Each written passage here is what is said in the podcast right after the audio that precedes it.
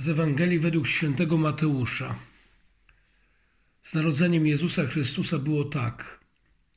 Po zaślubinach matki jego Maryi z Józefem, w pierwszym zamieszkali razem, znalazła się brzemienna za sprawą Ducha Świętego.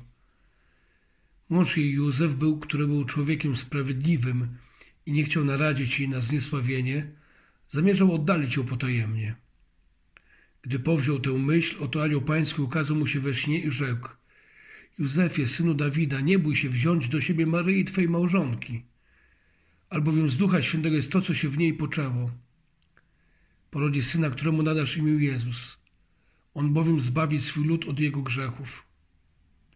A stało się to wszystko, by się wypełniło słowo pańskie powiedziane przez proroka. Oto dziewica pocznie i porodzi syna, któremu nadadzą imię Emmanuel, to znaczy Bóg z nami. Zbudziwszy się ze snu, Józef uczynił tak, jak mu polecił anioł pański. Wziął swoją małżonkę do siebie. Tak, moi drodzy, chociaż do świąt tak naprawdę prawie cały tydzień, bo Wigilia dopiero w najbliższą sobotę, to jednak to już dzisiaj czwarta niedziela Adwentu. Adwent w tym roku rzeczywiście wyjątkowo długi, bo trwa prawie cztery tygodnie. W przyszłym roku, jak dożyjemy, będziemy z kolei przeżywać Adwent przez niespełna trzy tygodnie. Czas ucieka. Czwarta świeca na wieńcu adwentowym zapłonęła. W czytaniach weszliśmy już w okres po 17 grudnia. W liturgii coraz częściej będziemy słyszeć proroctwa na temat narodzin Mesjasza. Już temat ponownego przyjścia Chrystusa przy końcu ziemi, przy końcu świata, można powiedzieć, schodzi na dalszy plan. Ten ostatni tydzień bezpośrednio przed kolejnymi rocznicami, kolejną rocznicą Bożego Narodzenia, umowną rocznicą oczywiście, to temat, na którym się będziemy skupiać. Świętowanie kolejnej rocznicy cudów wcielenia Boga, który przyszedł do człowieka w ludzkiej postaci. Dlatego ta czwarta świeca paląca się w wieńcu adwentowym to można powiedzieć taki już ostatni moment, ostatni gwizdek na to, by poukładać sprawy związane ze swoją spowiedzią, z modlitwą, z pojednaniem z Bogiem, ale także z pojednaniem w kościele, w rodzinie, między sąsiadami. Po to, by te wszystkie gesty, które nie, niebawem będą naszym udziałem, gest łamania opłatkiem, życzeń, nie było czymś sztucznym, ale by było czymś, co jest właśnie wprost wynikającym z naszego życia, by nie była to tylko pewna poza, coś, co nazwiemy pozorem. A właśnie dzisiaj parę słów na temat tego pozoranstwa chciałbym powiedzieć. Przed nami dwie postacie. W pierwszym czytaniu w proroctwie Izajasza słyszymy o Achazie. W Ewangelii usłyszymy o Jezu, Józefie, przybranym ojcu Jezusa. Achaz to król judejski, król Judy, czyli tego prawowitego królestwa, które ostało się przy Jerozolimie na skutek podziału państwa żydowskiego, królestwa żydowskiego po śmierci króla Salomona na królestwo południowe, królestwo północne, to Achaz właśnie jest tym królem z królestwa południowego. Według historyków to VIII wiek przed Chrystusem. Zawsze, kiedy słyszałem to dzisiejsze czytanie o tym, że Achaz wzbrania się, by wystawiać Pana na próbę, że czuje się takim niegodnym, by prosić Pana o jakiś konkretny znak, że właśnie zdaje się w pewnym sensie na wolę Pana Boga, to zawsze ten Achaz mi się podobał. Zawsze byłem pod wrażeniem właśnie tej jego postawy, tej pokory, można powiedzieć takiej uniżoności, że gdzie ja tam będę Bogu mówił, ja tam będę Bogu dyktować, w jaki sposób ma działać. Właśnie ten Achaz, niech Pan sam da znak, ja nie chcę. I rzeczywiście tak myślałem o Achazie, dopóki co nieco nie poznałem historii biblijnej, co nieco wgryzłem się w historię Izraela, w tym króla judzkiego Achaza. Przecież Achaz jak wiemy to z historii biblijnej, nie posłuchał rady proroka Izajasza. Zwrócił się do pomocy do króla syryjskiego i stał się jego zresztą poddanym, zupełnie inaczej niż mówił o tym prorok Izajasz. Mało tego, Achaz, który wydaje się być takim naprawdę prawowiernym, takim usłużnym, pokornym wobec Pana Boga, sam przeprowadził swego syna przez ogień. Oddawał się bóstwom kananejskim, czyli poganom, bóstwom pogańskim. Y, oddał swego syna, jak już wspomniałem. Właśnie to przeprowadzenie przez ogień to po prostu było oddanie na spalenie swojego syna. I teraz, kiedy mamy to zestawienie, z jednej strony Achaza, który udaje takiego właśnie prawowiernego, takiego pokornego, takiego w pełni oddanego Bogu, a jednocześnie kiedy widzimy, że to jego życie zupełnie jest inne, można powiedzieć, że to całe życie zaprzecza temu wszystkiemu, właśnie tej postawie, to można powiedzieć, no to jaki wreszcie jest ten Achaz? Czy rzeczywiście wiara, którą deklaruje wobec proroka, wiara w Boga Jahwe, że nie będzie Pana wystawiał na próbę, że rzeczywiście poddaje się wyrokowi Pana, czy ta wiara przypadkiem właśnie nie jest pewnym pozerstwem, czy nie jest przyjęciem jakiejś pewnej pozy, tak jakbyśmy powiedzieli językiem Gombrowicza, czy nie jest takim upupieniem, takim przypięciem pupy. Właśnie. Z jednej strony deklaracja, z drugiej strony życie, które całkowicie zaprzecza tej deklaracji. Tymczasem, kiedy patrzymy na Ewangelię i kiedy patrzymy na życie i na to całe wydarzenie, które ma miejsce w historii Józefa, cieśli z Nazaretu, to wszystko wydaje się zupełnie też jakby na pierwszy rzut oka dziwne. Jest zaślubiony z Maryją, jeszcze z nią nie zamieszkali, Maryja staje się brzemienna, a Józef oczywiście nie zna powodu tej brzemienności, jeszcze nie została mu ona, ten powód wyjawiony. Zamierza ją oddalić i to jeszcze potajemnie myślimy, no taki jest sprawiedliwy? Taki jest sprawiedliwy, że zamierza oddalić potajemnie Maryję?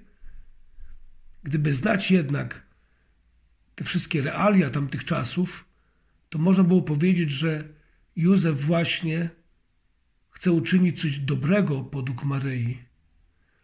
Gdyby oddalił swoją narzeczoną, to właśnie ciężar tej brzemienności poniekąd bierze na siebie.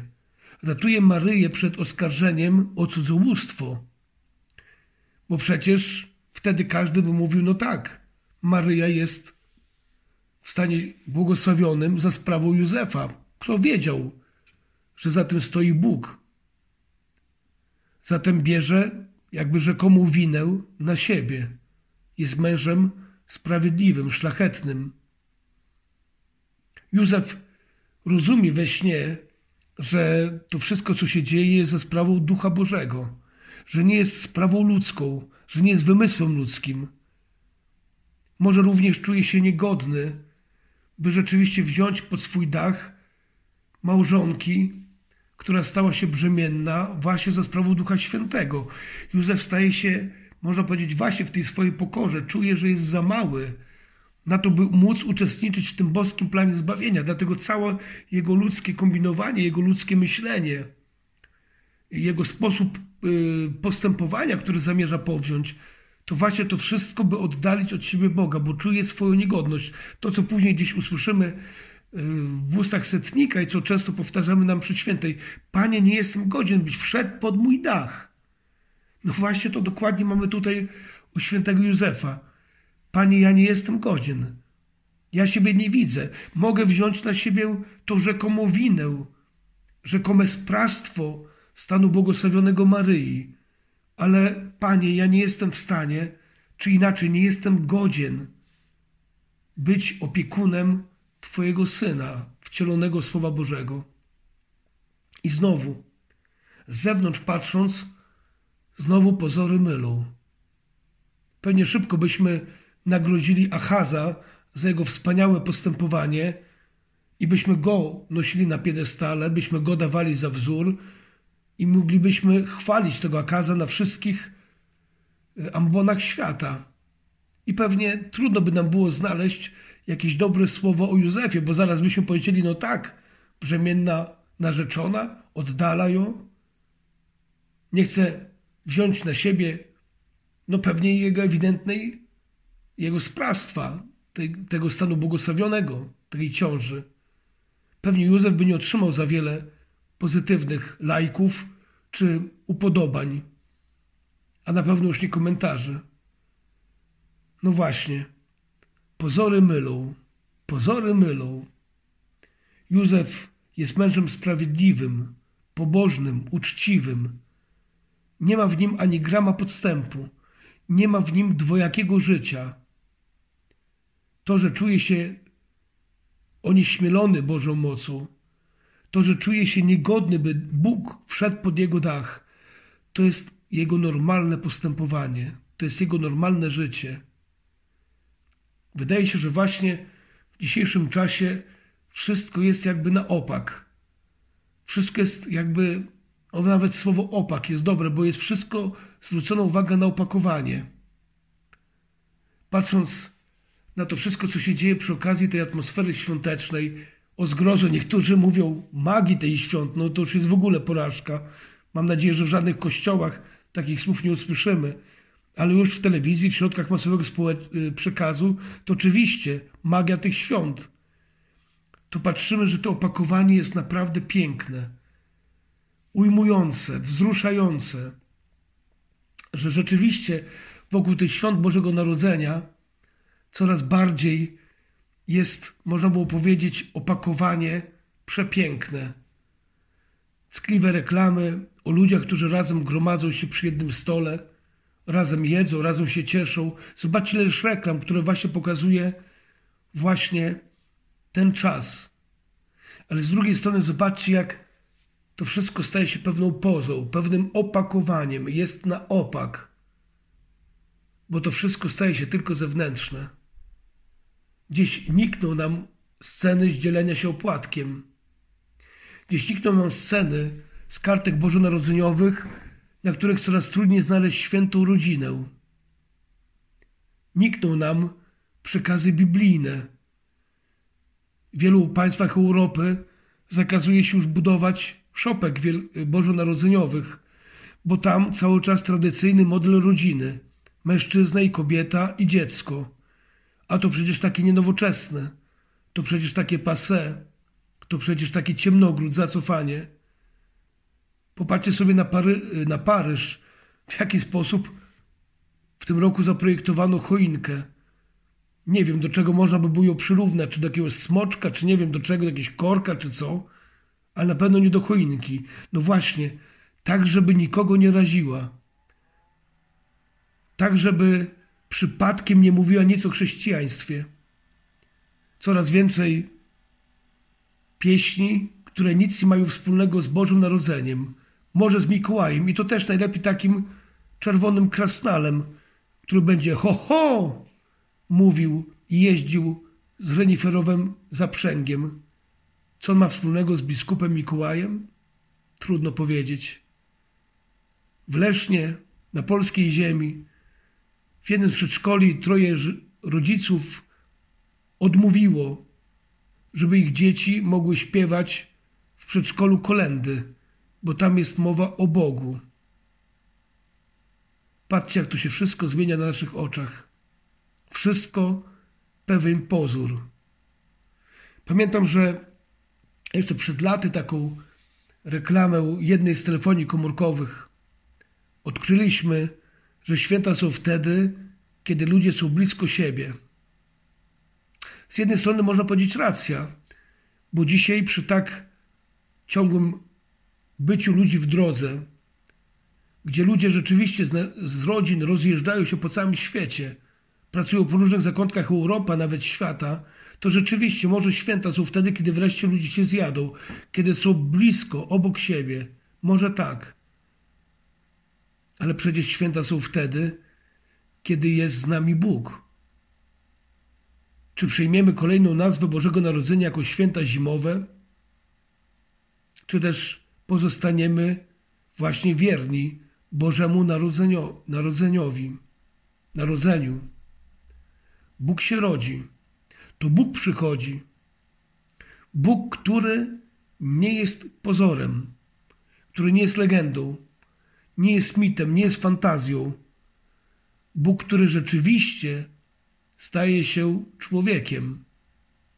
Na pewno jeszcze nie raz do tego wrócimy w czasie rozważań Bożego Narodzenia, ale dla wielu także wczesnych chrześcijan mamy do czynienia z sektą manichejczyków zrodzoną na gruncie chrześcijańskim. To też było nie do pojęcia. Jak to nieskończony Bóg, najświętszy Bóg, przyjmuje ludzkie ciało? Jak to możliwe, że tak się zniżył, że tak się upokorzył? Jak to możliwe, że Bóg, który jest władcą całego świata, narodził się pośród bydlęty, między wołem a osłem? Dla mnie to akurat piękne, wół i osioł. Ale przecież to też gorszy. Bóg nie jest pozerem. Bóg nie stawia na piękne opakowanie, ale Bóg stawia na prawdę, na to, co jest istotne, na to, co jest treścią wiary. Może warto w tym ostatnim tygodniu przygotowań do świąt Bożego Narodzenia postawić na prawdę. Może warto popatrzeć na swoje relacje rodzinne, na swoje relacje sąsiedzkie. I może warto przestać się uśmiechać tak kurtuazyjnie, tak urzędowo, z takim bananem przyczepionym zawsze na ustach. A może warto pójść w kierunku prawdy. To dobry czas, może dobrze, że właśnie jeszcze mamy cały tydzień Adwentu, by może pewne rzeczy powyjaśniać, powiedzieć przepraszam, powiedzieć przebaczam. W inny sposób te święta staną się kolejną pozą, a nasze zachowanie będzie pozerskie. Może warto by było przestać udawać i rzeczywiście skupić na tym, co w tych świętach najważniejsze. By ludzie byli blisko siebie, ale by i Bóg był między nami. Tak, czwarta świeca już płonie. Czas nagli. Bóg chce przyjść. Czy uda mu się przebić przez te wszystkie pozory? Panie Jezu, przyjdź, nie zwlekaj. Bądź z nami, Emmanuelu, Bóg z nami. Amen.